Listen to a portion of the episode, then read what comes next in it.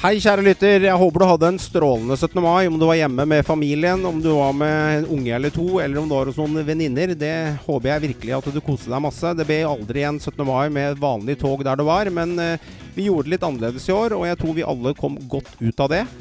I dag så har vi en spennende gjest med oss. Jeg kommer til å introdusere han her. Og han signerte for Brann august 2010 som 17-åring etter en overgang fra Løveham. Han skåret sitt første mål i kampen mellom Odd og Brann i 2-3-seier til Brann på bortebane i Skiensområdet sommeren 2011. Han går inn i sin tiende sesong for fotballklubben. Han har 255 kamper med 26 mål, som gjør at han har ca. et målsnitt på én scoring per tiende kamp. Det fine med Fredrik Haugen er at han er på en syvendeplass på x antall kamper for uh, sportsklubben Brann gjennom tidene. Og det gjør jo at han er en ekte klubbspiller med tiden, og fortsetter han sånn, så kan han krable høyt på disse listene. Han er kjent for sitt overblikk på spillet, han har en frisparkfot som ikke ligner grisen, og han er en ganske habil tilrettelegger. Han har opplevd både nedrykk og opprykk med klubben. Han har vært eh, under Skarsfjord som sin første trener. Han opplevde poeten Rikard Norling, og trener, trenes nå av realisten Lars Arne Nilsen, populært kalt Lan. Han har spilt med Omar Njasse, Lesijovskij, Rudolf Austin, Kim Ujo, Diago eh, Gustavinho, Stefana Baji, for å nevne noen, og han har gjort det meste på klubblaget sitt. Håvard, er Fredrik Haugen en legende i Brann, ettersom han er en klubbspiller som kommer sannsynligvis til å krabbe høyt opp på disse listene på x antall kamper? Ja, altså Fredrik Haugen han begynner jo å nærme seg eh, legendestatus i, eh, i Brann og Bergen. Det er ikke noe tvil om det. Han er vel en av de eh, få stjernene vi har i Brann nå, vil jeg nesten si. I et dessverre litt grått Brannlag så er Fredrik noe av det Eh, vi har med X-faktor i, i, det brannlaget. Så eh, vi får virkelig håpe han får en eh, skadefri og, og bra sesong i år. Dette er jo også en spiller som, i mine øyne, da kanskje går litt under radaren med egentlig på hvor mange kamper han har spilt for klubben. Når du er på syvendeplass på alderskalenderen på antall kamper Han har én mann foran seg på lista. Det er Håkon Oppdal på en femteplass på antall kamper. 255 kamper for klubben, og runder du 100 kamper til, så er du på nummer én eh, førsteplassen der, Fredrik. Ja, det var først og fremst en fin eh, intro dere kom med. Det var, det var tidenes lengste, tror jeg. Ja, det var mye fine ord. Så det Nei, det er klart at det begynner å bli en del kamper for Brann, så det er jo det er jo stort, det. Men det mangler jo fortsatt det å vinne noe, da. Det er jo det som er det store målet. Ja, det hadde vært deilig å oppleve det seriegullet en gang til, Fredrik. Det jeg som Brann-fan håper jo og ber om den, den, dagen kommer igjen, selvfølgelig. Men jeg lurer litt på hvordan har den siste tiden vært for deg, egentlig? I denne spesielle situasjonen vi har vært i med tanke på korona? Jo, det har det har vært tungt, selvfølgelig, men man føler òg at man har fått trent veldig godt da, på ting som man ikke vanligvis eh, altså Fått bygd opp grunnlaget med styrken og kondisjonen og sånn. Så jeg tror det har kommet litt gode ting ut av det, selv om det selvfølgelig har vært kjedelig. Men det har jo vært sånn for hele Norge og hele verden, egentlig. Vi har jo en ekstrem lang preseason i Norge fra før av. Dette har jo vært tydeligvis altså, tidenes lengste preseason noensinne. Med å på en måte spille seg da i form komme i gang med treningskamper. Og så rett rundt hjørnet før det skal brake løs, så blir det lockdown. Hvordan, hvordan, hvordan, blir det? Må dere på en måte bygge opp en ny toppform da, eller, hvordan er det, det det funker? Eller man må prøve å holde det jevnt hele veien, liksom? Ja, det er jo litt sånn det, Fotball er litt sånn kompleks idrett. da. Det er jo, Du må på en måte spille fotball for å komme i god fotballform. Det, det hjelper liksom ikke å gå ut og løpe og ligge ute ut på Strava som mange kompiser gjør nå for tiden. Det, du blir ofte litt seig. Det er liksom kun å spille fotball som hjelper på fotballformen. og det, det, tar litt tid å bygge opp, men jeg merker allerede nå etter en uke at uh, formen begynner å komme mer og mer. Det er det vi også merker, vi som spiller breddefotball, at nå begynner formen å komme mer og mer når vi får prikka inn formen på, på innsideskudd og, og rist, rist, rist der.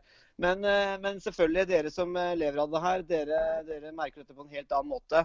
Men uh, hvordan er det med syke da, oppi en sånn situasjon? Altså, merker man at man på en måte må jobbe litt med den, eller hvordan er det liksom? Eller har du folk rundt deg som tar ordentlig vare på deg og, og den biten der? Ja, det er klart at det har vært litt tungt i forhold til, som du sa, det har vært oppkjøring i type fem-seks måneder nå. Da har jeg egentlig lyst til mm. å det gøyeste vi fotballspillere vet, er jo egentlig spille to kamper i uken og fullt kjør hele tiden. Så det, det er jo litt tungt mentalt å på en måte trene uten å vite helt når du skal spille kamp igjen. Da. Så det, ja. er litt tungt. Men uh, heldigvis er vi i gang gjennom en måneds tid nå. Men hva gjør du på fritida da ellers, eh, Fredrik? Hva er, det du, hva er det det går i? Er det Fifa? Er det Warzone? Hva er det, hva er det du driver tiden med når du har, har, litt fri? Eller er det litt serie på Netflix og sånne ting? Ja, det blir, eh, det blir litt serier. Jeg er ikke så veldig på det PlayStation og Fifa og sånn, faktisk. Nei, du er ikke det, nei? Nei. Okay. nei. Det er mange av disse spillerne vi har pratet med som er veldig der, skjønner du. Ja, ja det var mer for kanskje ti år siden jeg spilte litt Fifa. Du blir litt ferdig med det, du, med andre ord. Ja. Begynner å bli voksen. Ja, ja, ja. Ikke sant. Vi hadde jo flere spillere. Pallesen Knutsen bl.a. spilte jo enda. Han er klart han er noen år yngre enn deg. Og så veit jeg at uh, Dino i Rosenborg, som uh, svensken som de har skaffa seg der, han uh, må, han spiller jo, så det er jo voksne spillere også som spiller ganske mye. Altså, altså man, man, trenger ikke å være alltid ung eller voksen der. Det er jo populært blant ganske mange aldersklasser, de spillene. Ja da, det, det, er klart at det blir litt uh, tid å slå igjen og folk driver med forskjellige ting. Men uh, akkurat om PlayStation har ikke helt blitt uh, bitt av den basillen ennå. Brann og Bergen har jo alltid skriket etter typiske Wonderboys, eller Håvard, Wondermen, som jeg tulla med sist gang. Hvis du fyller 20, så er det Wonderman, og er du under 20, så er det Wonderboys. Ja. Når du signerte den gangen eh, eh, fra Løvham til Brann, så var du jo 17 år gammel. Og mange så jo på deg som et, en ekstremt god spiller med et veldig veldig godt talent når du spilte, når du spilte i førstedivisjon for Løvham.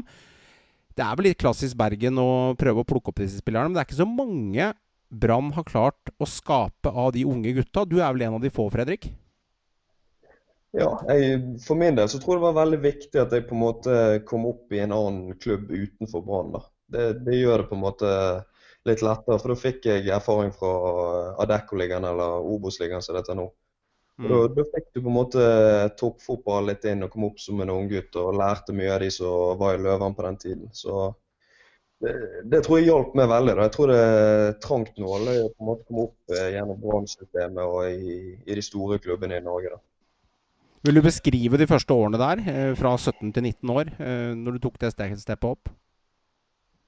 Ja, det var, det var, Jeg ble vel klar eh, sommeren, så ble jeg vel leid ut inn til Løva om en halv sesong, hvis jeg ikke husker feil. Og så 2011-sesongen så ble det litt mye innopp, og på en måte Vi hadde jo mange gode spillere. Det var vel Diego Gustavinho som jeg konkurrerte mot i den eh, tierrollen, så han, han, var en veldig god spiller. så det ble litt inne på sånn første sesongen, så det, det gikk litt treigere enn jeg hadde håpet eh, første sesongen. da.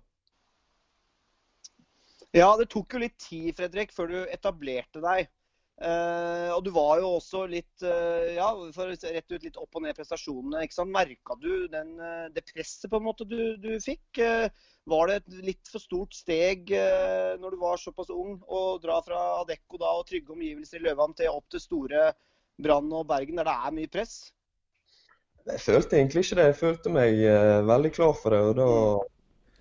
Det var ikke noe sånn jeg tenkte på det presset, men, men jeg kom rett og slett opp uh, i en spillestil som ikke passet meg helt heller. var helt mm. ærlig. Mm. Skarsfjord, det var litt uh, lange baller og kriging, og jeg kom opp ja. spinkel 18-åring med teknikk og skulle være, leke litt deilig på banen. Så det, det, det var rett og slett ikke så god match eh, de, de, første årene heller, for å si det enkelt. Nei, apropos det med trenere i Brann. Der har jo virkelig vært uh, ja, salt og pepper, holdt jeg på å si. Det har vært uh, virkelig det ene og det andre. Uh, hvilken trener er det som har på en måte passa best din stil som spiller, og, og, og hvem er det du på en måte har klikka best med? Jo, jeg har egentlig klikket uh, ganske greit med alle trenere. Men det, det, var litt synd med sånn som Rikard, for han var en utrolig fin fyr. og uh, Jeg likte fotball han sto for, da. Men som alle vet, så gikk jo det ganske rett vest. Men ja, den, den, fotballen han sto for, det, den likte jeg veldig godt. Det, han ville vel spille litt sånn som så f.eks. Molde spiller i dag, da. Men vi fikk jo ikke det til, for å si det mildt. Så det var litt synd. Men jeg er nysgjerrig. Rikard Norling han er jo en, en karismatisk type. og, og altså, Fansen digga jo Rikard Norling, og media digga Rikard, Norling. Men faktum er jo at dere rykka ned. og Når han dro fra, fra Bergen, så tapte dere 4-1 mot Levanger borte. Eh, det er jo kanskje det flaueste bunnpunktet i, i, i Branns historie, nesten. Eh, men hva er det som ikke funka med, med Nordling? Han hadde jo på en måte Skjønte han ikke norsk fotball? Eller, eller hadde de ikke spillerne til å spille sånn type fotball han ville spille? Eller hva var det som egentlig skjedde der? Tror du. For du var jo midt oppe. Du, du hadde jo mye tillit. Mm. Ja, det, det, var litt sammensatt. Jeg, jeg følte at i starten, eller i hvert fall til en viss grad, så spilte vi helt OK fotball og fikk til litt ting. Men så gikk mye mot oss, og da begynte han å endre mye på både spillere og sammensetningen på laget ble helt feil. Og på en måte alt gikk, eh, gikk dårlig etter hvert. da. Så eh, jeg tror det var en blanding av at han ikke helt Jeg tror svensk fotball er litt annerledes i forhold til norsk fotball med fysikken som er i Norge og sånne ting. Så jeg tror han fikk litt uh, sjokk på måten det ble spilt fotball i Norge. Og så var det litt sånn feil sammensetning av lag i tillegg, tror jeg. Han visste rett og slett ikke hva han gikk til helt. For han hadde jo hatt kjempesuksess i Malmö og har fått ny suksess med AIK når han har kommet tilbake nå. Men altså, i Brann så floppa det jo totalt. Altså, tror du også at det rett og slett ikke ble henta gode nok spillere inn? Ja, det, det kan være. Men, men, det er jo klart at uh, den troppen vi hadde, burde jo aldri rykket ned. Det, ja. men, men, samtidig tror jeg ikke vi hadde noen tropp som kunne tatt seriegull eller tatt medalje det året. Jeg, jeg, tror det var litt uh, litt uh, feil miks av eldre og litt for uh, urutinerte spillere. Så det var et eller annet med hele det året som bare ble feil. Jeg husker fra utsiden, nå er jo ingen jeg Brann-supporter, men jeg kjenner jo deg godt. Men du var jo ekstremt frustrert. Og jeg har ikke sett så mye redning på strek, stang ut, avblåsninger. Altså, det, det var nesten så det var en sånn derre voodoo magic over hele Brannlaget. Altså, alt gikk imot dem det året de rykka ned. Altså, jeg, jeg, husker at det var, det var så frustrerende denne sesongen der. Og, det må det selvfølgelig ha vært for dere spillere også, naturlig nok. Dere tross alt rykka ned. Uh, men det gikk jævlig mye mot. Mm, det gjorde faktisk det. Dere, dere, spilte til tider veldig god fotball. Og Markus Pedersen kom inn der og banka ballen i krysset mot RBK.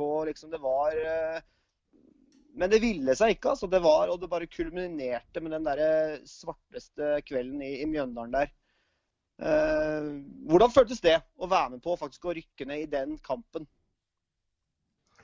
Jo, det, det var jo mitt absolutte bunnpunkt eh, som fotballspiller. Det, du hadde fått eh, mye, mye, marginer mot hele sesongen, og sånn, men eh, bare å toppe det i den, den kvaliken der mot et lag man, man følte seg trygg på å være bedre enn, det, det var utrolig tungt. Men sånn i ettertid så tror jeg på en måte har lært mye av den motgangen. og er ganske, ganske fornøyd med at på en måte jeg har tatt, uh, kommet litt tilbake som fotballspiller da, etter en del tunge år der uh, når vi rykket ned.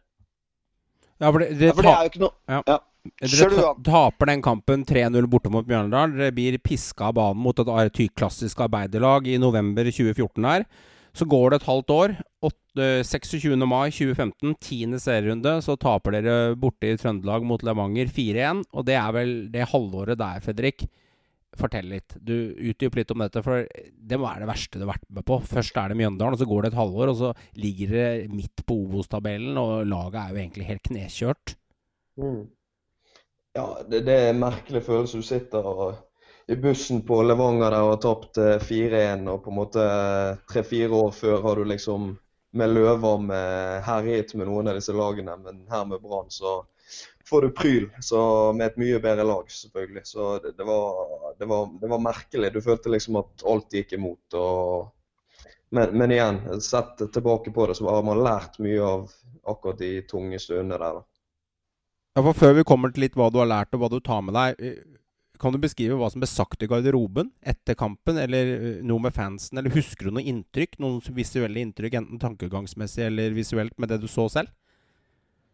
Jeg tror det ble sagt eh, egentlig veldig lite. Jeg tror ikke det var noen som sa eh, noe i det hele tatt. Folk lurte egentlig bare på hva, hva, hva som foregikk, og folk var skuffet. og det, det, var ikke så mye å si, egentlig. Det, det, det var stillhet, rett og slett. Men så blir det jo en opptur, en deilig opptur, når uh, Lars Arne Nilsen da etter hvert kommer inn. Hva er det han klarer å gjøre med dere så at dere klarer da, å snu det og berge det opprykket? For det så jo veldig mørkt ut med å faktisk klare å rykke opp på første forsøk. Mm. Ja, det, det, skal Lars Arne Nilsen ha veldig skryt for. Han kom inn og på en måte satt eh, det defensive strukturen med laget, og vi på en måte kjempet for hverandre. Vi lå mye mer i balanse enn vi hadde gjort tidligere med Rikard. og Vant ofte kampen med ett mål, og sånn, men vi klarte å bikke det i vårt favør. Det var, var, mye mer stabilt når han kom inn. da. Så det, han skal ha all eh, honnør for det opprykket. Hva er det han er god på? Du har jobbet med han i mange år. Eh, vi ser jo han i media. Jeg syns kanskje, for meg som ute, utenfor-supporter, da, Fredrik, så er faktisk en av de trenerne Jeg, jeg syns ikke han er sånn superspennende, med all respekt. Han er kanskje litt sånn overrealist og kanskje litt sånn småtraus. Men han har en egenskap som jeg liker veldig godt med han, og det er at han, øh, han baker aldri inn om det var svakt eller dårlig. Han forteller at vi var ikke gode nok, og han skylder sjelden på marginer. Og det liker jeg med Land. At han er realistisk på at vi er ikke gode nok i de avgjørende uh, fasene av spillet. Derfor taper vi den kampen her 2-1. Og det er noen trenere, bl.a. han godeste Fagermo i Enga og i Skien, han har, han har en tendens til å skylde på ting når ting går dårlig. Og det er andre trenere som gjør, men der er Lan veldig sterk. Var for meg fra utsiden. Men uh, du, du har jo jobba med han i mange år. Hvilke egenskaper har han? Jo, jeg, jeg syns han er litt det vi snakket om i sted. Han er god å få på en måte laget til å kjempe for hverandre, og at det, det er ganske stabilt eh, som oftest. da. Det, jeg føler at det og han elsker å vinne og vil gjøre alt for å vinne for enhver pris. Så det, det, er jo den egenskapen jeg syns han er best på. Mm. Men uh, for å ta litt da, Fredrik, når dere, når dere, da faktisk rykker opp, og det er jo en kjempeopptur dere, dere, dere dere blir jo mye bedre under LAN og, og, og får uh, klare et greit opprygg og ender vel da bak Sogndal der på andreplass, hvis ikke jeg tar feil. Og så går dere rett opp, og så, og så klarer dere faktisk å ta sølv. Uh, egentlig merkelig nok uten å imponere ekstremt, men dere vant. Dere vant de kampene dere måtte vinne, og dere, og dere klarte jo da som nyopprykka å ta et sølv. Hvordan var det å på en måte være underdog og, og gå rett opp og, og ta, ta et sølv? Jo, det var, det var, litt som du sier. Det var litt uh, kamper som vi bikket uh, i vår favør, og det var litt marginer og sånn. Men det, det, det, når du kommer opp som nyopprykket lag, uh, så får du ofte litt sånn flyt. Du ser sånn Viking i år og sånt, med vinne cupen og gjort det bra i serien og sånn. Kommer du inn i, den stimen og kan slå litt unna ifra, så, så kan det være veldig gunstig. Det, det gjorde vi den 2016-sesongen. Og så har dere jo da en ekstremt uh, ja, altså det, det, går jo litt nedover sesongen etter. Da ender det vel med, med femteplass. Og da var det litt sånn, eh, hvis ikke jeg husker feil, så, så er det jo uh, litt ned der. Litt sånn mellomsesong, på en måte. Det er jo litt forventninger etter sølvet, selvfølgelig. og hvordan er, hvordan er, det det på en måte slo inn for, for gruppa at dere ikke klarte å, å følge opp den suksessen? da? Ja, Hvis jeg ikke husker helt feil, så var det vel høsten vi raknet litt. Vi har vel gjort mm. uh, ganske gode vårsesonger og hengt med i toppen uh, til sommeren. Men uh, da er det et eller annet som har skjedd utover på høsten, at man har falt litt sammen. Så det, det er jo det det blir snakket om hvert år, og hva man gjør feil. Så det jeg skulle likt å visst hva vi på en måte gjør jeg, jeg, tror ikke det er at vi er dårlig trent eller noe, men om det er noe psykisk eller slitasje på gruppen eller hva det er. det det er vanskelig å si. Bare for å ta den, eh, den eh, sesongen etter, da, da har vi jo snakka litt kort om den eh, femteplassen. og Det er på en måte som ser tilbake litt sånn tråkig, litt sånn kjedelig sesong kanskje. Man ikke klarer å følge opp det, det sølvet dere, dere, tok. og Det var jo, det var jo meget sterkt. Og Da syns jeg jo også at uh, dere fikk litt for lite heder da, til å faktisk da som nyopprykka lag ta et sølv. Uh, og jeg husker jo storhetstida eh, back in the days med seriegull osv. Eh, hvorfor tror du at dere ikke klarer å engasjere i like stor grad som Brann gjorde før? Mangler det profiler? Er det spillestil? Er det, er det for lite bruk av lokale talenter? Eh, selvfølgelig kan det være god, god stemning på stadion og, og trøkk, liksom, men jeg syns dere får litt for lite heder og litt for lite interesse. Eller er det generelt at Bergen som fotballby ikke er som før? Jo, jeg tror det svaret er litt sammensatt. Men sånn som i fjor og sånn, så tror jeg det, som de fleste av oss har sagt, det var rett og slett litt for kjedelig fotball. Litt for eh, defensivt fokus. og Folk på stadion liker å se underholdning. om det, De vil heller se 4-3-seier enn eh, 1-0, for å si det sånn. Så det å komme tilbake til å skape litt mye sjanser og underholde på stadion, det, det høres jo enkelt ut, men jeg, jeg tror det er utrolig viktig. Det, eh, man merker til tider at eh, Brann eller Bergen er ikke ferdig som fotballby i det hele tatt. Det, det, jeg tror det ligger der og lurer, men man må, mm. man må, man må levere, rett og slett. Da. Og Det er jo litt av det som er gøy med å spille i Brann. At det er Enten er man veldig langt nede, eller så er man veldig høyt oppe. Og Det er det som jeg syns er jo så nydelig, at uh, som du sier, det ligger der og lurer den interessen, og det ligger og ulmer. Uh, det, er jo, det er, og det er jo som du sier, uh, jeg som også som, som Brann-supporter, jeg, jeg, må innrømme at sesongen i fjor den var, den var jævlig kjedelig. Det var lite som, som fløyt. Og, og, når dere vant, så altså det, var, det, var, det var lang tid mellom høydepunktene, da. Men året før, med Radlinger og Sivert Heltene, så lukta det jo uh, rett og slett litt seriegull. Uh, I hvert fall halvveis der. Da, da, var det jo jævlig solide. Og Det slapp jo mm. nesten ikke inn mål. Og så er det jo mange som snakker om at uh, salget av Sivert Heltene der Ja, at det kanskje gjorde noe med dere, da. Eller, eller, eller system, eller hva det måtte være. Det, men jo, da var dere jo jævlig gode. Hva skjedde den, den høsten der, og hvorfor klarte dere ikke å holde inn? Jo, jeg, jeg tror det Selvfølgelig det enkeltspillere når du selv er viktige spillere på laget. jo det Han var veldig sånn, viktig for den stabiliteten defensivt som du snakket om. Det, det var han absolutt. Men det eh, irriterer meg litt den midten av eh, 2018-sesongen. Vi leder sesongen med ti poeng. Ja, dere var jo så gode, ikke sant? Ja. Det, det, men allikevel var, var vi ute. jeg sitter og ler og koser meg, Fredrik, for jeg er Rosenborg-supporter. Og jeg og Håvard har hatt disse feidene ja. hele tiden. Og jeg husker jeg skal ikke avbryte deg, men jeg skal si en liten ting fra sida. Jeg, jeg, sa til Håvard jeg var, jeg var ikke nervøs. Slapp av. Rosenborg kommer, sa jeg. Og, og, og, det verste er at jeg, jeg tenkte det sjøl. Faen, det kommer til å ryke, ikke sant? Det, det gjør jo alltid, så å si. Jeg har jo det er jo uh, mye følelser med å heie på Brann, Fredrik. Det, det, skjønner jo du òg. Nå skal du få svare, Fredrik, før vi overtar hele greia. Ja, Uff meg. Det er mye, mye, frustrasjon her, merker jeg nå. Ja, ja men det er jo det er ikke rart de ikke er redd når vi leder sesongen med ti poeng halvveis. Så går mm. vi ut og sier eh, helt defensiv i stil at vi eh, er fornøyd med medalje. Takk! Altså, takk. Hvorfor sier treneren det? Nei, det, hva, er, hva er det? Jeg skjønner at du, du kan jo ikke henge ut LAN her, men det er jo for defensivt. Mm. Ja, men det, det, var ikke bare han heller som sa det. det man, man, man, er nødt til å være offensiv i en sånn situasjon. og Da begynner jo til og med Rosenborg å tenke at disse er her for å ta det gullet i år. Mens når vi går ut og sier at vi er fornøyd med tredjeplassen, vi leder halvveis med ti poeng, da det går jo ikke. Nei, det går jo ikke. Det går galt. Ja, og det påpekte jeg den høsten veldig mange ganger, Håvard. Vi snakket om det. Eh, stadig vekk i intervjuene så gikk Lan ut og sa at vi slåss for medalje. Vi tar én kamp av gangen. Vi tar det som det kommer. Ja. Så, så tapte de en kjip kamp 2-1, og da kom Lillestrøm-kampen, husker jeg, når Kippe skåra på den headingen på slutten til 1-1-kampen der. Da gikk Brann i forsvar igjen. Rosenborg begynte å ta de der seige 2-1-seierne. Og det er litt av greia, da. At skal du være et vinnerlag, altså med all respekt for Rosenborg eller Molde eller hvem som har vunnet dette gullet, så er det sånn Da må du gå hardt ut, som Fredrik sier, og så må du trøkke til, og så får du se om den aksjekursen holder. Du kan ikke drive og legge deg bakpå og begynne å backe, og det er litt det du mener, Fredrik.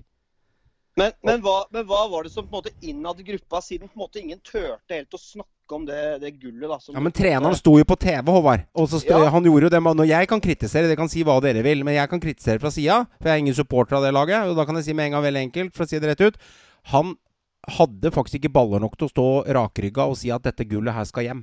Det hadde han ikke. Nei, men Det virka som på en måte ingen helt trodde helt på det. Var det litt sånn det føltes òg? At liksom Faen, liksom eh, Kommer ut til å vi Trodde det skulle glippe? Ja, det, men det er igjen det, Når man ikke tør å si ting uh, utad og gå for det, altså, da sniker det seg inn en litt sånn defensiv uh, i bakhodet uten at du jeg er sikker på at det er mange som hadde troen på det i gruppen. Det var ikke sånn at folk ikke hadde tro på det, men det sniker seg inn en sånn defensiv mm. eh, tankegang. når det men det er jo litt med kulturen f.eks. i Rosenborg. De er vant til å mm. vinne. sant? Og da, da går de for dem. Og det, Der har eh, klubben Brann mye å lære. og det Inkludert oss spillere, selvfølgelig. Det er en kulturting, da. Det, det har litt med krav og forventninger til lag. Altså, mm. Sånn som Bodø-Glimt i år, da. Du kan ta et eksempel hvis du skjærer litt av Brann der og sier greit nok at det ble sånn, men jeg blir veldig overraska hvis Bodø-Glimt går ut i år før sesongen starter om to uker og sier de skal utfordre Molde på gullet. Jeg tror ikke det kommer til å skje. For kulturen ligger ikke der. De kommer til å si at vi tar en ny sesong, vi er fornøyde hvis vi ligger i toppen. Og så kan det ende med at det som skjer med Bodø-Glimt da, Fredrik, er at de faller ned til femte-sjetteplass fordi de tør ikke å sette seg høye nok mål. Det er fare men, for uh, Men igjen, så, så, er det jo uh, Det var ingen som hadde trodd på noen medalje til Glimt før før fjorårets sesong ja, men, heller. Det er helt og de enig. går opp og tar sølv, ikke sant. Ja, men det er helt enig. Men skal du bygge skal du bygge, Ja, det er krav og forventninger, men skal du bygge kultur, så må du gjøre det i gjentatte handlinger over mm. tid. Og da må du tørre å uttale deg som er hårreisende mål, og tørre å falle av planken, da. Men man safer, man backer litt. Man sier heller at vi tar én kamp av gangen, vi prøver å gå for medalje. Ja, jeg skjønner at det er fornuftig, men kanskje ikke det i denne situasjonen. Så det ligger nok noe der òg. Men, men hva, tror, hva, tror, du, Fredrik, om, om, årets sesong? Dette her blir jo en veldig veldig spesiell sesong på mange måter. Eh, uten publikum. Trolig kanskje hele sesongen. Kanskje det er lov å slippe til, til litt etter hvert. Eh, seriestart 16. 17. juni for deres del. Mange kamper, kanskje type to-tre kamper i uka. Lov å bytte fem stykker. Eh, hvordan blir det å komme i gang og, og, og liksom hele, hele settinga her. Hvordan, hvordan, hvordan, tror du dette her blir? Det blir en ny situasjon for alle, men uh, først og fremst gleder jeg meg veldig til å spille fotball igjen. Uh, kjedelig at supporterne ikke får komme. Det, vi har jo en litt fordel på stadion, eller uh, iallfall når det er trøkk på stadion. Uh, at det, Jeg tror noen av motstanderne frykter å komme der med publikum. Men det, det, blir jo en litt spesiell sesong for alle. Det handler om å komme seg raskt inn i flyten her med mye kamp det, det, kan bli litt overraskelser i år, tror jeg. Det, det blir en spesiell sesong. Hva tror du om, om dere i åra? Er, er, det håp om å tro at vi kan eh, kjempe om medalje? Hvordan, hvordan syns du de nye har kommet inn? Eh, Robert Taylor inn der. Eh, lover det, lover det bra, eller, eller, tror du at vi må, må kjempe om plassene bak teten? Jeg er faktisk litt usikker denne sesongen, for vi har hatt noen veldig gode treningskamper og noen uh, veldig dårlige. Men uh, igjen det vi snakket om i sted. Vi må nå tørre å si at vi skal være med opp oppe der. Mm. Eh, Brann er en stor klubb, og da må vi tørre å si at vi skal være med oppi der. Men selvfølgelig, det er to store favoritter i uh, Rosenborg og Molde. Men uh, at vi skal være med oppi der, det er vi nødt til å tørre å si. Hvis det ikke, så igjen kommer ikke vi til å havne der oppe. Riktig. Du har jo sett Daniel Pedersen og, og, Taylor mye på trening og hatt litt med dem å gjøre. Hvordan fremstår de? Jo, gode fotballspillere begge to. Daniel er uh, flink å balansere og spille enkle pasninger og bra med ball. Robert Taylor er vel uh, en litt sånn tekniker og sånn. Det, det, blir spennende å se han i enten en wing- eller back-rolle. Så så får vi se. Det, de kommer fra litt mindre klubber. og det, Jeg tipper de har lyst til å vise seg i en litt uh, større klubb og være med litt i toppen. Det, de har rykket ned begge to, så det, jeg tror de er revansjelystne gutter. og vi har fått til. Uh, du hadde jo en uh, litt vanskelig sesong i fjor. Med, altså jeg tror jo altså En av grunnene til at dere også gjorde det såpass dårlig, er at du du var mye ute med skader osv. Du er jo veldig viktig for, eh, for Brannlaget med kreativitet og eh, ikke minst dødballfoten din og, og, og, den biten der, og, og tre ballene igjennom. Eh, hvordan var det å, å være så mye borte i fjor? Det var veldig kjedelig sesong for meg i fjor. Det er egentlig første sesongen der jeg har eh, møtt litt motgang i forhold til skader. Da. Det har egentlig ikke vært noe skadet noe tidligere sesonger. Så det var veldig tungt å se på. Når jeg kom tilbake, så var jeg, jeg var ikke i god nok form i forhold til at jeg ikke hadde spilt nok kamper og hadde vondt både her og der. Så det, den sesongen i fjor eh, for min del var Dessverre ble jeg ødelagt pga. skader. og det, det, var kjipt å se på at ikke laget fikk det til uh, i tillegg. da. Men for, de, for, din del nå, da, hva tror du om, om 2020? Og, og, tror du du takler, kroppen din takler kampprogrammet, som blir tett? Ja, det har alltid vært godt trent og egentlig hatt få skader. Så nå har jeg fått uh, operert uh, menisken i kneet og uh, kjenner meg veldig bra form nå. Så normalt sett skal jeg takle det med to-tre kamper i uken veldig godt. Men, men, det er klart at det var, det var, lite kamper på meg i fjor, og det må komme inn igjen ganske tidlig i det nå for å få opp formen. Så forhåpentligvis så kan vi se noe, noe langskudd og noe, noe dødball, noe frisparkmål i, i år. Du, du ja. melder det nå? Ja, det er absolutt. Det skal prøve å bidra med mitt uh, for at vi skal få en god sesong. Mange målpoeng tror du du sitter igjen med når klokka slår 1.12.2020? Hvis jeg teller mål og Assis sammen, eh, Fredrik? Jeg må jo håpe på opp på 15, da. Da har man levert eh, bra. Det, ja, det er voksent. Hva, hva, er det meste du har vært oppi eh, på målet, husker du det? Hva er rekorden? Jeg tror jeg hadde i 2017-sesongen tror jeg var oppe i 16-17 målpoeng. Så det, det, var en god sesong. Mm. Stemmer han fryktelig mye ja, stemmer. Du, ja. Nei, du er jo ekstremt viktig, Fredrik, for at det skal uh, fungere. Men, men, mm. kanskje en, en, Daniel Pedersen inn der sentralt er en litt sånn type stabilisator som dere har mangla? Kanskje det kan uh, hjelpe? For det er vel tanken at du skal spille indreløper? Ja, det han, eh, han, virker å være god å stabilisere og spille god pasningsfot og sånne ting. Og vi har jo Det snakkes så mye om det, men vi har jo savnet et uh, reindykket uh, anker siden Sivert 2. Han, var, han, var, viktig å stabilisere laget og piske oss andre rundt der. Så håper Daniel kan fylle det tomrommet litt denne sesongen. Men hva med en eh, Dauda Bamba, da? Uh, han har jo storma mye rundt uh, i fjor. Og, og den, uh, det var jo ikke noe hemmelighet at han og Veton Berisha ikke akkurat var bestekompiser. Det kom jo litt tydelig fram. Tror du det, det kan være forløsende for Bamba å få altså Nå har du faktisk konkurranse i en Markus Menerter, som har virka frisk, og som har kommet inn fra fra holdt jeg på å si Nestotra der, er det vel, men Øygarden nå. På, på lån fra, fra Brann i fjor. Eh, virker Bamba lovende nå? Ja, det, i hvert fall før vi på en måte tok koronapausen, da, da han veldig bra ut. Eh. Han virket giftig i både trening og kamper, så nå er vi så vidt i gang igjen. Så, men eh, det er sant som du sier, hvis han det utenomsportslige, hvis han på en måte trives på banen og sånn, så tror jeg han kan bli veldig farlig. Og han har, han har noen egenskaper som tilsier at han skal kunne skåre mye mål. Du har vært med i dette begynner din tiende sesong i, i Brann. Hvilket ansvar kjenner du nå for laget og for deg selv og hele, hele fotballklubben framfor når du, når du, kom inn der og det var helt andre skikkelser, kanskje styrte garderoben? Hva er det som har endret seg i deg, Fredrik, med tiden her? Hvordan har du kanskje vokst som spiller, og hva er det du tar med deg derfra?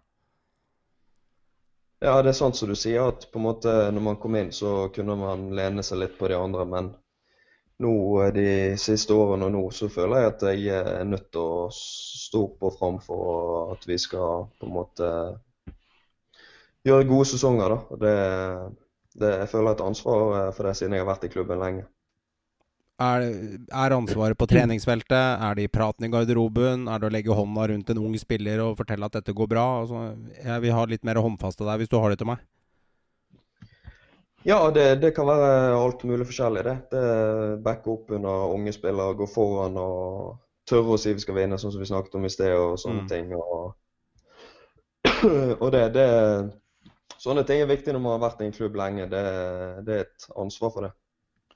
Har du lyst på det kapteinspinnet, Fredrik? Eh, er det noe du eh, Eller er, det, er det satt, forresten? Dere har jo vært eh, snakka litt om hvem som blir ny brannkaptein. Er det noe du, du, ser for deg at du, du har lyst, lyst, til å være, Ja, jeg har ikke satt meg et mål om å bli brannkaptein, men det, det, er selvfølgelig en smigrende oppgave, det. Men eh, nå har vel ikke vært i den eh, diskusjonen nå eh, det siste, så jeg regner med det blir Pedersen eller Barmen, kanskje. Det er det det er snakk om? Det er iallfall de som har hatt inn i treningskampene. Håvard, hva tenker du nå eh, eh, eh, i Brann og mulighetene? Jeg slår meg en liten tanke. At en unge spillere her uten publikum på tribunen At det er ikke publikum. Presset kan bli litt borte. Det er muligheter for unge spillere å faktisk prestere litt over evne, med tanke på at eh, man kjenner ikke på det presset. Og du har en annen spiller i Brann også. Du har Komson. Har uttalt tidligere at han faktisk liker det, muligheten til at publikum kan faktisk stresse han litt? Altså, Jeg har jo, har jo, ment hele veien, og det har jeg også sagt til dere andre gutta i Synseligaen, mm. at jeg har jo faktisk eh, litt trua jeg, på årets eh, Brannlag. Mm. Det er litt typisk Brann å slå tilbake etter en eh, svak sesong. Mm. Når det er på en måte litt sånn avskrevet, og så slå, slå, tilbake med, med å prestere bra. og og, og, og, kanskje det, det stadion uh, Hva skal jeg si? Stadionpresset. Uh, kanskje det kan uh, merkelig nok slå positivt ut. Og, og, jeg tror at signeringer som Daniel Pedersen, Robert Taylor, det er bra for, for årets Brannlag. Mm. Hvor tror du svakheten ligger i dette laget her? Nei, altså det har vi jo også snakka om. Jeg eh, mener jo helt bestemt at uh, vi trenger å få inn en midtstopper.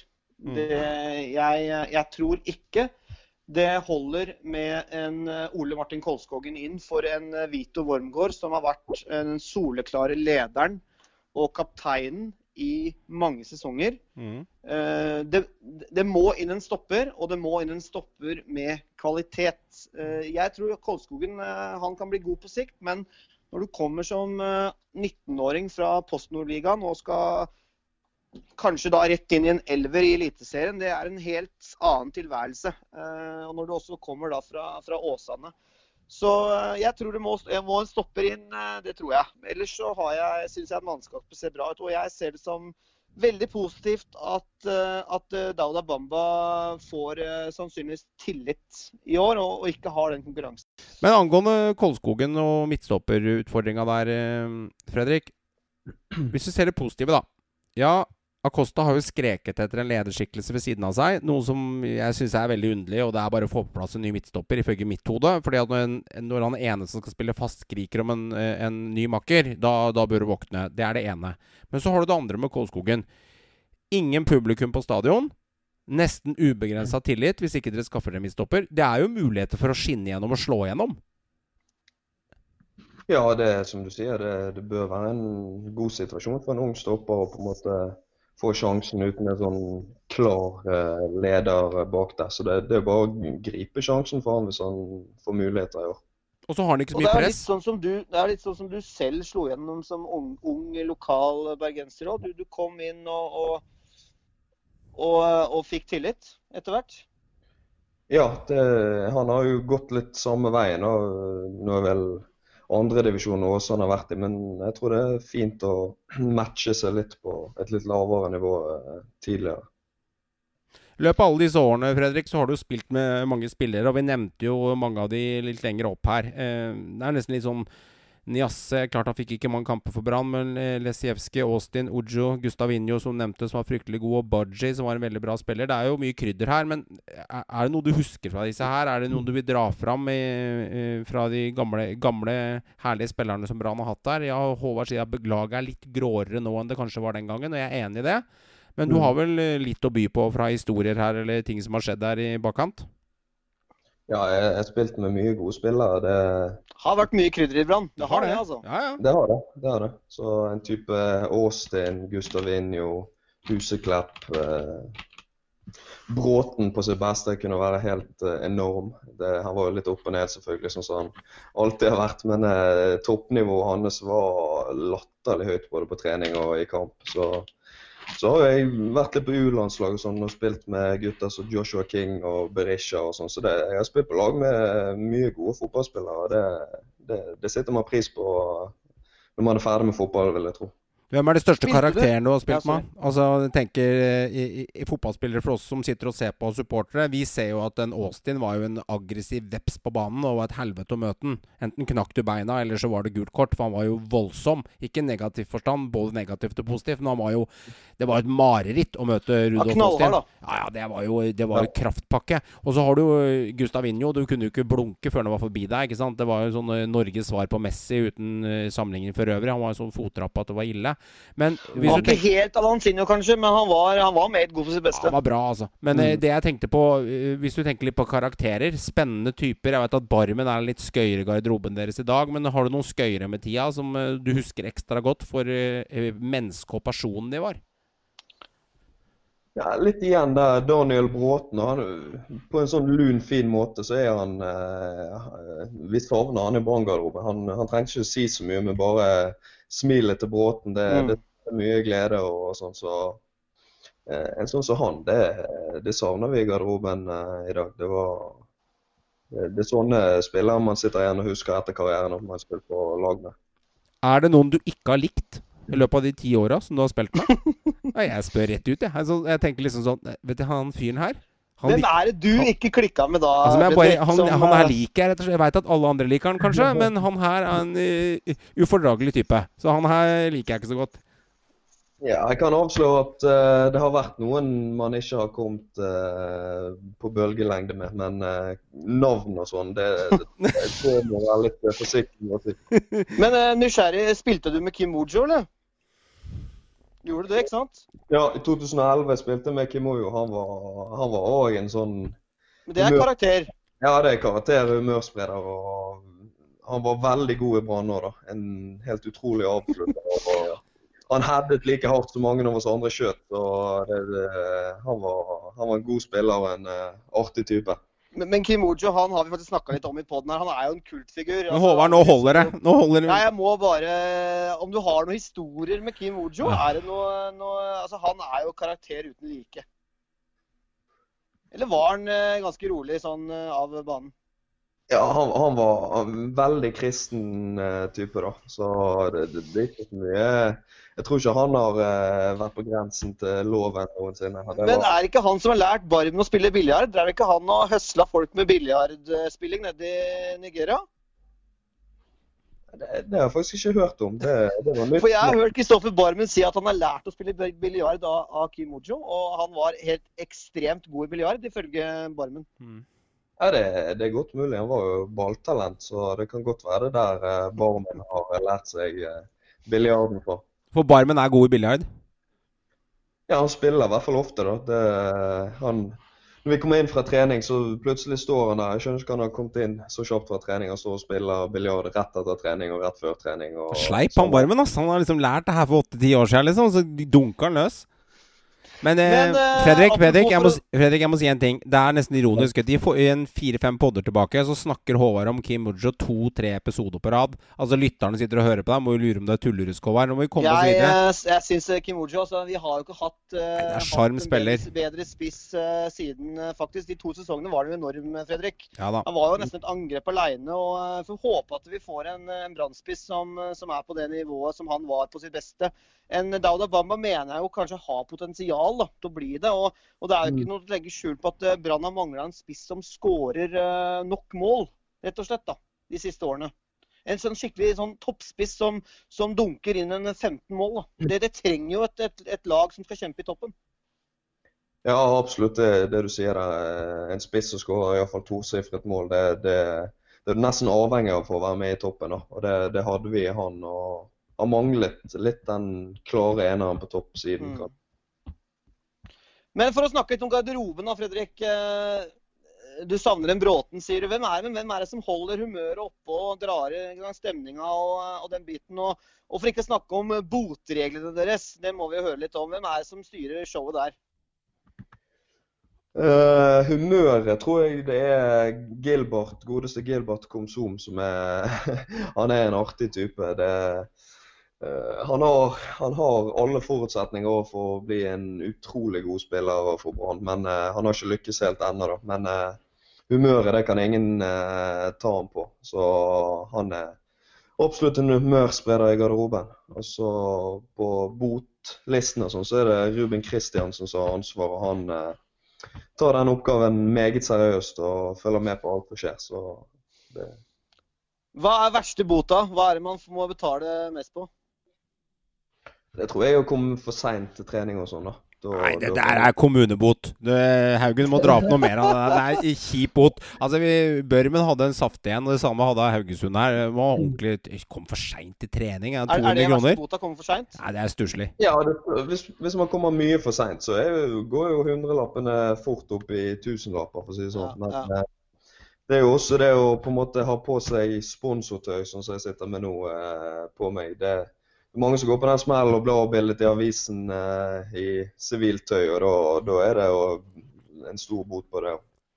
Men dere har ikke noe sånn 4000 kroner eh, for sånn helt sånn håpløst noe? Sånn knuse vindu på nabohuset eller noe? Bare sånn, du er sånn typisk tabbebot? Ikke sånn idiotbot heller? Sånn der, bare du er idiot, du får bot, liksom? Det er ikke noe sånn, uh, sånn opplegg? Nei, det er ikke så mye sånn, men det, det er mye Hvis uh, Ruben Kristiansen er i vranghjørnet, si, så er det, da kan du få bot for uh, det meste. Det er ikke, da, da er ikke han vanskelig å be. Hvor gikk boturen i vinter, da? Var det botur? Ja, vi var Hvor er det vi var nå, da? Det, hvis jeg ikke husker feil, så var vi vel i, i, i Stockholm, tror jeg. Ja, Var du med? Det har, mange, det har vært så mange boturer nå at jeg ikke kommer på Du har jo vært der ganske lenge, Fredrik. Du er blitt rutinert. Ja, det går litt i ball, disse her. Jeg har vært med på 89 boturer nå, så Okay. Det, det, har vært uh, litt av de. Er det, er det, noe som dere spillere gleder dere til etter sesongen? Eller er det blitt som du sier, litt sånn her, ja, formalitet? Altså det, det, eller er det noe som dere ser fram til som å gjøre som gruppe? Ja, det, det er noe man ofte ser fram til. Men uh, boturene blir ofte litt gøyere hvis du gjør god sesong. Selvfølgelig. Det, det henger litt sammen. Det, er ikke, er ikke så fett å skal ut og kose seg når det er blitt en niendeplass, liksom? Nei, det boturen etter eh, nedrykket mot Mjøndalen. Jeg tror ikke det blir botur i det hele tatt. Så det, det, det henger litt sammen. Men det, det, pleier å være kjekt det å koble av og være med lagkameratene i en annen setting. Mm. Du har vært i, i, Bergen i ti år. Du begynner å gå inn i legendebøkene med x antall kamper. Du, du, er på en måte kjæledeggen der. Du ble jo den unge spilleren som veldig mange Brann-supportere ønsket seg. Og du har på en måte gjort mye riktig, Fredrik. Dine egne ambisjoner. Du får til en god 2020-sesong. La oss si den sitter. Du får dine 15 målpoeng. Blir du Bergen, eller kunne du tenke deg å prøve eventyret ut? Nei, Jeg har alltid sagt at jeg kunne tenkt meg å prøve prøvd å komme videre og prøvd en annen liga og en litt annen type fotball. og sånn. Det, det, tror jeg kunne passet meg. Men uh, igjen, som jeg alltid sier, det, det, er ikke noen nedtur for meg å være i Brann. Og det er selvfølgelig kult å være lenge i en klubb og sånn, men, men, jeg har ambisjoner uh, som spiller ennå. og det, det, tror jeg er viktig for Brann at man ikke har spillere som er fornøyd med å være i Brann. Da, da blir det ofte dårlige sesonger. Hvor er det du kunne tenkt deg å ha spilt? Jeg skjønner at sånn Premier League og hva, hva La Liga Hva er ligaen sånn. du, du ja. ser for deg som din, eh, din eh, Hva skal jeg si drømmeliga? Nei, det, det, det, er jo som man sier, det er jo litt urealistisk å begynne å tenke på de aller største ligaene nå når jeg følger 28 snart. Men eh, en liga der det spilles en litt mer ballbesittende fotball og litt mer mot etablert og sånn, det, det, tror jeg kunne kledd meg. Det, norsk fotball er bra, men det, det, er fysisk og det er mye Hawaii og det er høyt tempo, vil jeg tro, i forhold til kanskje ferdighetene. Det, jeg tror en litt annen type fotball kunne passet meg, da. men det, det, er vanskelig å skulle velge hvor man ville spille. Å spille for en annen klubb i Norge, er det liksom Det er helt uaktuelt, for det er kun Brann eller ut? Hva tenker du der? Ja, det, jeg har aldri sagt at det er uaktuelt, men det, det er på en måte Brann som er min klubb i Norge og begynner å bli 28 år og har vært i klubben lenge. Så det, det skal sitte langt inne å gå til en annen klubb i Norge. Mm, mm. Er det noen klubber du har vært uh, nære til å gå til, uh, hvis du har lyst til å droppe det? Eller er, uh, har, har, du vært nær en overgang til en annen klubb og liga? Ja, det, det, har egentlig hele karrieren. Det, det begynte vel allerede 2011-sesongen, hvis jeg ikke husker feil. Da, da, ble det litt lite spilletid og sånn. og da, da var det Ronny Deiler som var trener i Strømsgodt, som hadde lyst til at uh, skulle bytte meg med Fredrik Nordkveld, hvis jeg ikke husker feil. Så det var noe jeg vurderte uh, der og da. Opp gjennom karrieren hele tiden har det vært uh, litt uh, muligheter og litt sånn. Men uh, det har alltid blitt at jeg har blitt i, i Brann, da. Mm.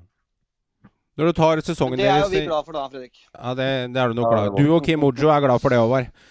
Når du tar, eh, tar 2020-sesongen, hva må dere gjøre annerledes i år for å kunne heve dere. Dere har litt press på dere. Du har en trener som, eh, som har et uh, halvt Bergen bak seg som skriker. Kanskje du har fått litt arbeidsro nå pga. de spesielle tidene vi har vært i nå, Fredrik. Men det er litt press på dere. fordi at det var et styremøte der og klubbmøte der i vinter uh, før jul som, som, gjorde at LAN fikk sitte akkurat i strikken, men det var så vidt det holdt. Så dere må starte sesongen bra. Og hva skal dere gjøre annerledes nå for å terpe på det her? Ja, det er sant som du sier. Det var, I vinter var det ganske mye uro både, både her og der, holdt jeg på å si. Så det, vi har press på oss denne sesongen. Det, eh, når vi er en storklubb, så, så er det sånn det skal være. og da, da, må vi leve opp til forventningene. og I fjor var det selvfølgelig altfor dårlig, og da, da har vi press på oss, både trenere og spillere, denne sesongen her. Ja, det er jeg enig i, men hva har, hva har, gått igjen på treningen i vinter? Eh, har det vært mer pasning, ballbesittende, raskere angrep, brukt vingene mer off offensivt? Altså noe konkret noe. Hva har Lan terpet på det halvåret her nå, som du kjenner på fungert? da? Ja, jeg tror, jeg tror, først og fremst det som er litt at backene skal komme litt mer opp og slå innlegg, og det skal være mye innlegg i boks og mange som går uh, i angrep, rett og slett. Jeg tror det er litt det som er planen for å vekke Brann-publikum igjen og forhåpentligvis gjøre bedre enn i fjor. Men tør han det? Altså, tør, Han er jo en typisk uh, Skåre, sikre, skåre, sikre. Det er jo sjelden vi har sett uh, 4-1 og 4-0 og 3-0 uh, levert fra Team Land på en periode. Det er en grunn til at han fikk mye kritikk. da. Og det er jo det bergenspublikummet fortjener å, å, få, og det er det måte de ønsker. Eh, du skjønner litt hvor jeg vil hen i resonnementet mitt? Ja, det, det, har jo vært sånn at vi på en måte har skåret et mål og på en måte ligget litt i rammen for å mm. forsvare den, den, ledelsen. Men det har vært noen gode kamper også. Mm. Jeg det er det som er målet. Mm, mm. Men Hvordan var det å få inn en, eh, en keeper som Ralf Fehrmann, og så ser det ut som han rett og slett bare hei og ha det og forsvinner tilbake til Schalke. Hva skjer rundt, eh, rundt den keeperen? Er han, eh, han holdt jeg på å si, ferdig før han har fått spilt? Ja, det virker sånn. Han er ikke i Bergen nå, så det, det var litt spesiell situasjon at han var i Brann om uker, og så reiste han tilbake. For det var jo litt spesielt å plutselig få en, en etablert Bundesliga-keeper plutselig inn, liksom. Det, det, den så ikke jeg komme, i hvert fall. Nei, det er sånn som du sier. Det var, det var spesielt å se et så stort navn eh, i Brann. Men uh, det ser jo ikke ut som vi får se han i Branndrakt, uh, dessverre. Mm. Han fikk seg en uh, tur på Flom, jeg holdt på å si Flombanen på Fløyen der. Og så fikk han seg en tur på akvariumet og en softis i sentrum. Og det var det han fikk seg. Og så var det hjemme igjen. Han fikk, ja. se, han fikk, sett vakre Bergen by, da, i hvert fall. I, det minste. Det er jo mye tyske turister i, i, Bergen uansett, eh, så han var en av dem, da. Ja, da, han fikk, fikk seg en tur i Vestlandshallen og en tur på Fløyen, og så reiste han ned igjen. Så det var, det var en fin ferie, tipper jeg. Fredrik, hvis du skal summere opp tre spillere du har spilt med, beste medspillere med tiden, det trenger ikke å være topp 1, 2, 3 eller 3, 2, 1, men det i hvert fall være en, eh, en liste der. Ha, har du noen til oss? Ja, Vi var jo litt inne på det i sted. Jeg tipper eh, jeg ikke kommer utenom kanskje Joshua King da, på førsteplass. Mm. Så vil jeg ta Huseklepp eh, på nummer to. Mm. Eh, han var vel kanskje aller best før jeg eh, kom til Brann, men eh, han har vært et forbilde for meg da jeg var yngre. Mm. Og så på en tredjeplass så vil jeg eh, dele eh, Rudi Austin og Daniel Bråten da, eh, på den. Det var to beist og fysisk gode spillere som har betydd ganske mye for meg. Da. Det er derfor jeg tar dem på den listen. Og angående Rudi Austin, han spilte jo kanskje mye ved siden av deg på banen. Mm. Kjenner man en sånn trygghet når man har en sånn uh, gallionsfigur ved siden av seg på banen? At uh, hvis dere blir tatt på kontring, eller noe skjer, eller at det er en duell f.eks. mot et mm. røft lag, så, så veit du at du har den der kanonspilleren ved siden av deg som, som går i krigen, som er mer fysisk enn deg. Er det en god trygghet å ha en sånn spiller der? Absolutt. Eh, for sånne spillertyper som meg, så er det en drøm å ha eh, litt sånn rivjern eh, ved siden av seg som vinner baller og mm. spiller ball til deg. Så det, sånne spillertyper, det, det, elsker jeg å spille med. Det, han var absolutt en sånn. Men han kunne begge deler. Han var, han var god med ball, og pasningsfoten var enorm. Så det, han hadde på en måte litt begge deler, da. Det var, det var ikke bare rivjern, for å si det sånn. Så gå på motstandere du har møtt, da. Eller du kan si hvem beste, verste Hvem, hvem er et mareritt for deg å møte? Så hvis vi kan holde det til eliteserie, da. Eh, så det er litt mer gjenkjennbart. Ja, det, det blir jo vanskelig å komme utenfor uh, utenom godeste Haaland, kanskje, etter uh, sesongen der han skåret seks-syv mål mot oss. Og han kommer vel på en soleklar førsteplass, og så Jeg har jo spilt med Martin Ødegaard. da. Han var vel bare 16-17 da han kom inn på mot oss, men du så allerede da at det var noe spesielt med han. Så det er kult å ha spilt mot han. og så var det Mike Jensen når han var på sitt beste for noen år siden. Var, han var tøff å møte. Altså. Det var frekvens i beina. Han var eh, på deg hele tiden. Og, og sånn. så han, han, husker det var vanskelig å møte for noen år siden. Det, da fikk du aldri fred, for å si det sånn. For spilleren du tar der, Haaland, han, han, han, spilte jo ikke akkurat helt i din posisjon. Lenger opp der så møtte han kanskje ikke mye kroppsmessig. Og Martin Ødegaard var jo egentlig bare uskyldig og bare skamgod. Men jeg har sett mm. fryktelig mange kamper mellom deg og Mike Jensen. Der har det alltid vært opplegg, og han er jo oppi der og kjefter og full ulle. Han er jo klink gæren, på en måte. Men jeg, jeg elsket jo mm. Mike. Men igjen, jeg må spørre om det. Hva er det som blir meldt i sånne ting. I, i, I, sånne strofer på banen, og dommeren blåser, og han blir oppgitt og kaster ball og finger opp i været. Hva er det man melder til hverandre? For jeg har sett deg halvveis sur noen ganger òg. Du pleier å si fra litt du òg, Fredrik? Ja, du ser jo litt veps ut du også til tider. Så hva, hva er det som blir uh, meldt her, altså mellom linjene? Jo, det, jeg tror ikke de glosene vi skal ta så mye av de her nå, men det, det der kommer det rett fra leveren, holdt jeg på å si. Det, man sier det så passer seg. Selvfølgelig ikke altfor ufine ting, men uh, der blir det meldt uh, i øst og vest, holdt jeg på å si. Og det går jo ofte utover både motspillere og dommer og sånn som det. Men det, det begynner ut i vinnerinstinkt, selvfølgelig. Mm. Er det noen uh, spillere i ligaen som har litt sånn ekstra skitne triks? Som du alltid liksom Faen, var det han der igjen? Liksom, er det noen som Mark Jensen var der òg. Ja, altså, han er jo ikke her lenger, men, uh, men når Mike har dratt, da altså, Hvem er det som, uh, som på en måte Fader, han der på Haugesund, altså, han er så jævla ufin, liksom. Er det noen som stikker seg ut der som sånn skikkelig sånn jævlig spiller å møte nå? det er vanskelig å komme på noen i farten her, da. Det men eh, du har jo selvfølgelig lag eh, sånn som Mjøndal, som er vår litt mm. sånn eh, vår nemesis, holdt jeg på å si. Det burde ikke vært sånn, men det er jo det. Det, det er alltid tøft å møte de av en eller annen grunn. Det, men det er ikke noen spillere som peker seg sånn skikkelig ut. Nei. Mm. Herlig. Eh, på fritiden nå, uh, før sesongen starter, så skal du trene godt, du skal spise godt og du skal sove godt. Uh, har du mm. noen Netflix-anbefalinger til oss? Så, til lytterne oss, som du sitter og ser litt TV-serier på kveldstid når du har åpna bamsemumsposen og potetgullet og la han ikke se hva du driver med etter klokka sju om kvelden? Har du noen tips? Ja, nå, Jeg ser den dokumentaren om Michael Jordan nå. da. Det er jo mm. oss som elsker idrett og sånn. Det er jo perfekt å se på. Det, det var en vinnerskalle av en annen verden. Så det, der er det litt å lære for, eh, oss som driver med idrett, i hvert fall. Mm. Hvis du ikke hadde drevet med fotball, Fredrik, eh, hva er det du hadde drevet med da? Hva, hva, hva kunne du sett for deg at du holdt holdt på å si jobba med? Det er et vanskelig spørsmål. Altså, det har vært fotball siden jeg var fire år gammel. og, og det, så Eh, jeg har på en måte ikke fått uh, utviklet uh, den andre siden av livet ennå. Så det, det, er vanskelig å si hva jeg har endt opp med. da.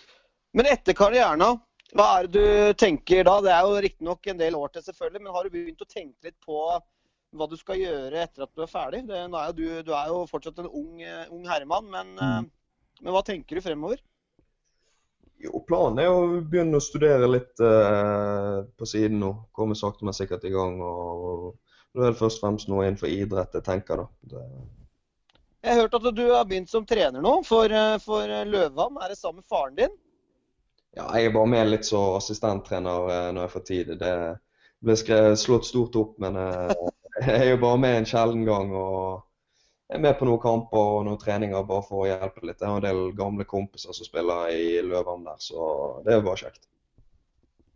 Det er moro. Herlig. Fredrik, første seriekampen du skal spille, så skal dere bort til Haugesund. Mm. Mm. Skal få siste ordet i denne poden. Eh, spå resultatet, og hvem skårer måla for Brann? Ja, da tror jeg vi vinner 1-2 borte mot Haugesund, og da skårer jeg og Bamba hver sitt mål, tipper jeg. Bamba og Pass på å dra en luka på Pallesen der, da. Ja, det fortjener han. Det... Han har godt av å få seg en luke første seriekamp. Det er jo ofte sånn det kan gå troll i år, hvem veit. Kanskje det er Pallesen som avgjør, siden vi hadde en stikkommentar på slutten her. Men eh, Brann vinner 1-2 borte mot Haugesund i første seriekamp. Og det er Bamba og det er Fredrik som avgjør på et herlig frispark fra 21 meter. Klink nede i stolperota til venstre for keeper. Kjære lytter, tusen hjertelig takk for at du lytta nok en gang til Synseligaen. Og Fredrik Haugen, tusen takk for at du stilte opp i episoden sammen med oss. Takk for at jeg fikk være med. Det var en glede å ha deg med. Så ønsker jeg deg en eh, god opptrening og kos deg masse. Hvis du eh, i andre enden sitter og lurer på om du skal gi oss en anmeldelse i iTunes med fem stjerner og en kommentar, så gjør gjerne det. Gå inn og gi oss en liten kommentar, og har lyst til å følge oss på Instagram, så gjør gjerne også det. Fortell om Synseligaen til venner og kjente. Kos dere masse. Tusen hjertelig takk for at du hører på Synseligaen. Hei så lenge.